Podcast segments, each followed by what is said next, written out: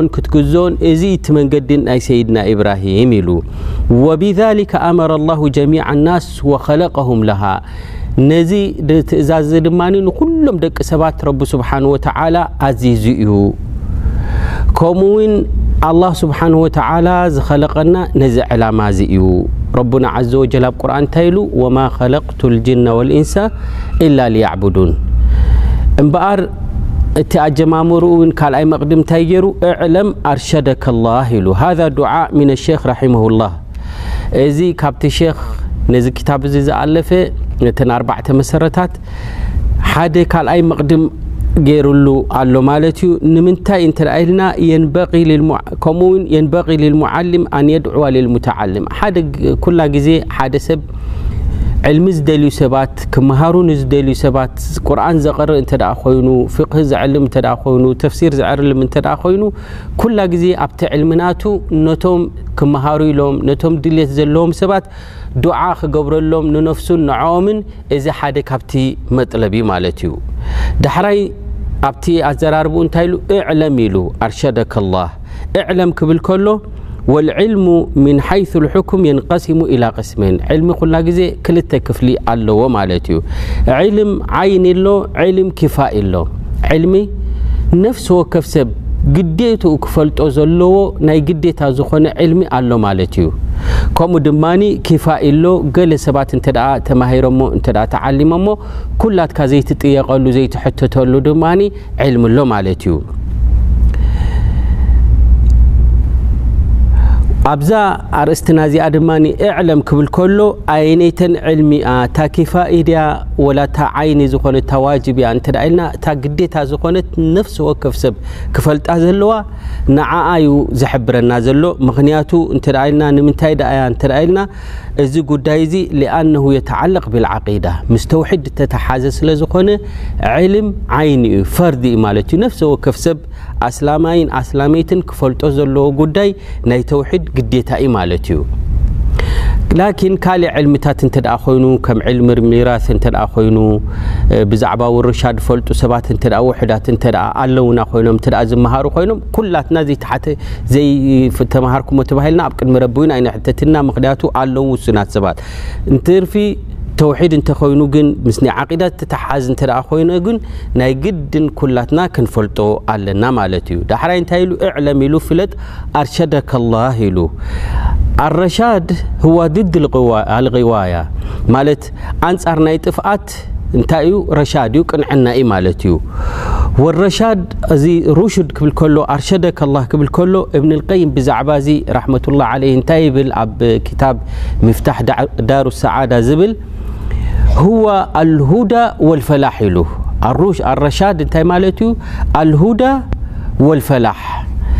ማለት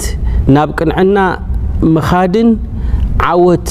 ማለት ነቲ ረቢ ስብሓን ወተዓላ ድኣዘዞ ፈፂምካ እትረኽቦ ዓወት እዚ እቲ ረሻድ ድበሃል ማለት እዩ ወሊዛሊክ ኣብ ሱረት ልጅን እንታይ ኢሉ ፈመን ኣስለመ ፈኡላኢካ ተሓረው ረሸዳ ማለት ኣብቲ ቅኑዕ መንገዲ ኣብቲ እስልምና ኣብቲ ረቢ ዝደልዮ ዝኣተወ ሰብ እዚ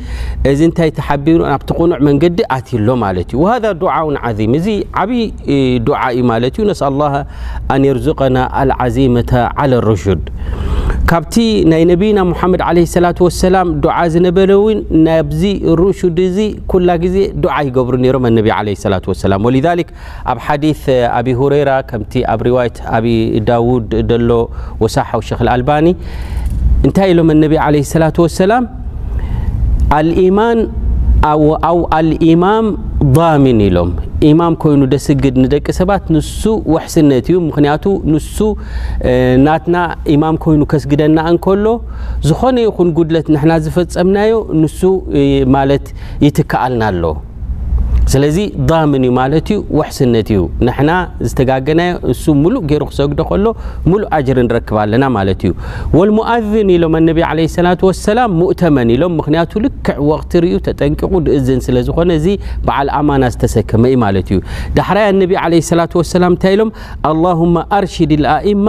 ወغፊር ልልሙኣዝኒን ኢሎም ኣላሁማ ኣርሽድ ኣልኣኢማ እዘን እዚ ዱዓ እዚ ዱዓ ሚነ ነቢ ዓለይሂ ሰላቱ ወሰላም ከምኡ ስለ ዝኾነ ድማ እንታይ ኢሉ እዕለም ኣርሸደከ ላህ ኢሉ ማለት እዩ። ወሩሽዱ ልሓቂቂ ናብ ቅንዕና ምምራሕ ማለት እዩ። ኣሩሽዱ ኣልሓቂቂ ማለት ኣን የኩነ ልኢንሳን ሙጢዓን ሊላሂ ዓዘ ወጀል እምበኣረይ ኣብ ቅኑዕ መንገዲ ኣሎ ረሸድ እዩ ዘሎ እዚ ሰብ እዚ ተሓረው ረሸዳ ዝተባሃለ ካብኣቶም እዩ ንክትብሎ እንተ ኮይንካ ሙጢዕ ሊላህ ዓዘ ወጀል ክኸውን ኣለዎ ማለት እዩ ሊኣነሁ ሁወ ረሸድ ኣናፍዕ ኣልባቂ ለሁ ምክንያቱ ኣብቲ ጣዓ ናይ ረቢ እንተ ኣለኻ ኮንካ ንስኻ ንተራፋይ ዝኾነ ንዓኻ ዝጠቕመካ ነገር ኢኻ ሕዝካ ዘለኻ ማለት እዩ ወሊዛሊክ እቲኦም ፊትያ ኣስሓብ ልካህፍ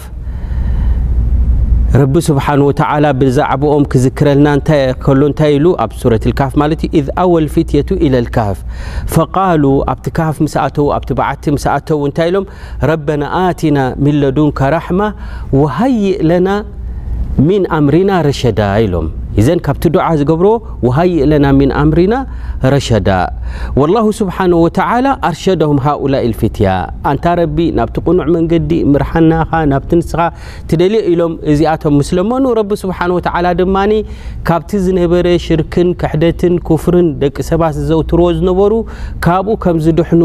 ገይርዎም ማለት እዩ ካብቲ ፊትና ናይ ሽርክ ዝነበረ ካብኡ ኣድሒንዎም ማለት እዩ ወላሁ ስብሓነሁ ወተዓላ ኣርሸደ ሃኡላኢል ፊትያ ኢለ ልሂዳያ ሚን በይኒ ቀውምህም ፈኢነሁ መን ሃዳሁ ላህ እህተዳ ካብዞም ኩሎም እዚኣቶም ንኣሽቱኦም መንእሰያት እዮም ነይሮም እንተኾነ ግን እዞም ኩሎም ኣብ ሽርክን ኣብ ማዕስያን ኣብኡ ጥሒሎም እንከለዉ ካብኣቶም ያረብ ናብቲ ቅኑዕ መንገዲ ምርሓና እህዲና ረሸዳ ስለ ዝበሉ ረቢ ስብሓን ወተዓላ ድማ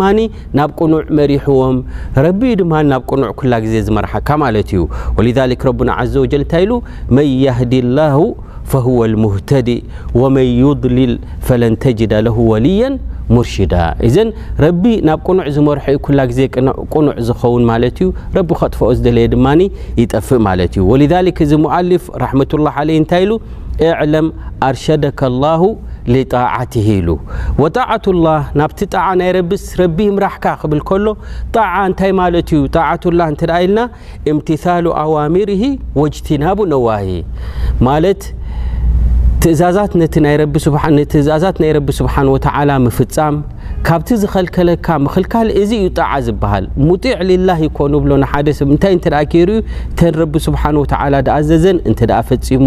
ካብቲ ዝተኸልከሎ ረቢ ስብሓን ወተዓላ ዝኸልከሎ ድማ ካብኡ እንተ ተቆጢቡ እዚ ሙጢዕ ይበሃል ማለት እዩ ኢዘን እምበኣረይ ኣርሸደከ ላሁ ሊጣዓትሂ ኢሉ ዱዓ ገይሩ ማለት እዩ ጠብዓን ኣልፈውዝ ኩለ ልፈውዝ ወነጃሕ ኩለ ነጃሕ ወተፈውቕ ኩለ ተፈውቕ ኣየናይ እዩ ዓወት ናይ ብሓቂ ዓወት ዝበሃል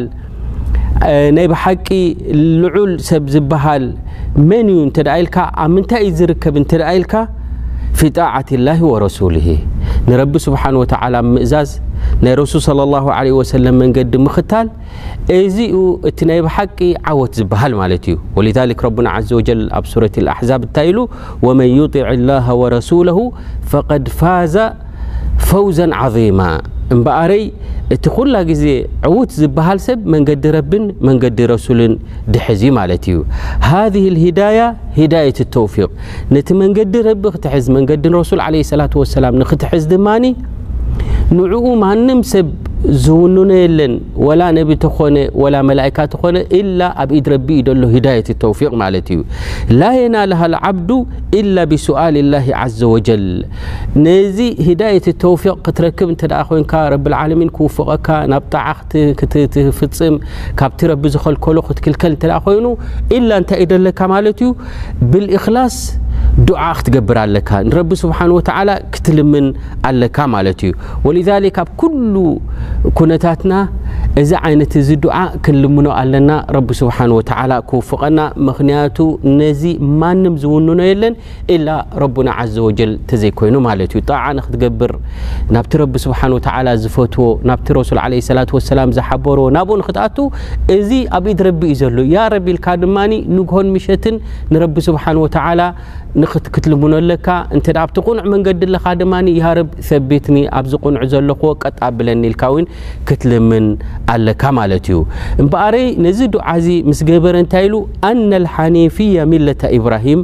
ኣን ተዕቡድ ላሃ ዋሕደሁ ሙክሊሰን ለሁ ዲን እቲ መንገዲ ናይ ሰይድና ኢብራሂም ኣልሓኒፍያ ይበሃል ንሱ እንታይ እዩ እንተ ኢልካ ንረቢ ስብሓን ወተዓላ ንብሕቱ ክተምልኾ ንብሕቱ ክትግዞ እዚ እዩ ኢሉና ማለት እዩ እሱ እቲ ሚለት ኢብራሂም ኣላሁ ጀለ ዋዓላ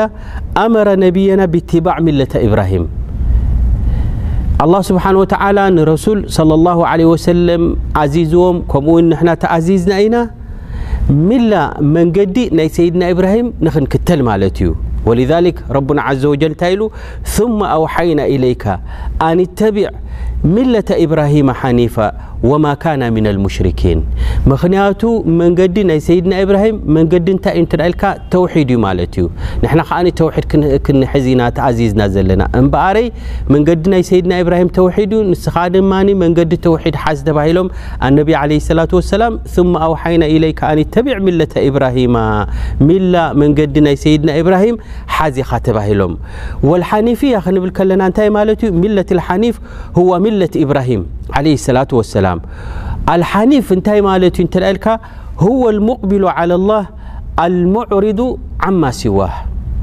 ኩሉ መንገድታት ገዲፍካ ካብኡ ተኣሊኻ ናብታ መንገዲ ናይ ቅንዕና ናብኣ ጥራሕ ምዝንባል ናብኣ ጥራሕ ብኣ ጥራሕ ክትጓዓዝ ከለኻ እዚ እዩ ኣልሓኒፍ ዝበሃል ማለት እዩ ሃذ ወ ሓኒፍ ኣልሙቅቢሉ ዓላ ላ ብቀልቢሂ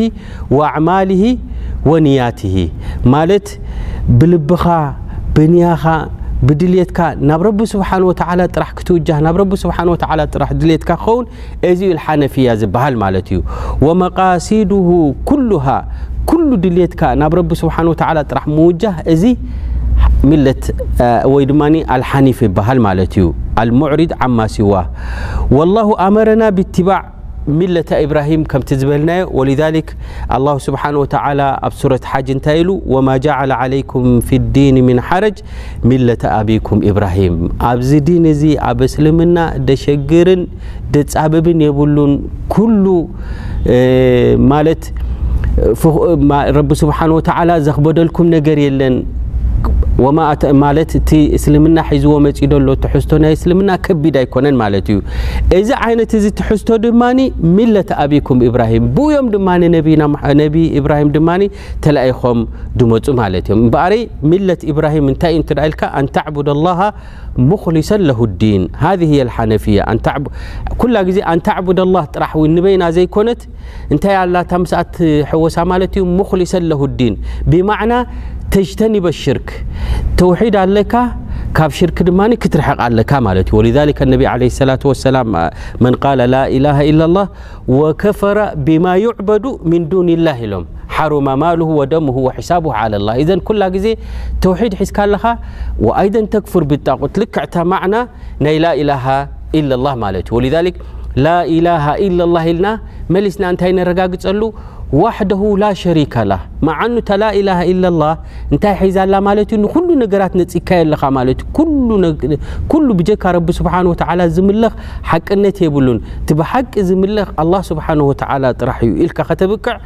መሊስካ ነዚ ንምርግጋጽ ድማ እንታይ ትብል ላኢላሃ ኢላላህ ምስ በልካ ዋሕደሁ ላሸሪካ ላ ንብሕቱ ሽርካ ዘይብሉ ዝኾነ ትብል ማለት እዩ ኢዘን እዚ እቲ መንገዲ ናይ ሰይድና ኢብራሂም ማለት እዩ እምበኣረይ ረቢ ናብ ቅኑዕ መንገዲ ይሓብርካ ምስ በለ መንገዲ ናይ ሰይድና ኢብራሂም በኣር ኣንተዕቡደ ላሃ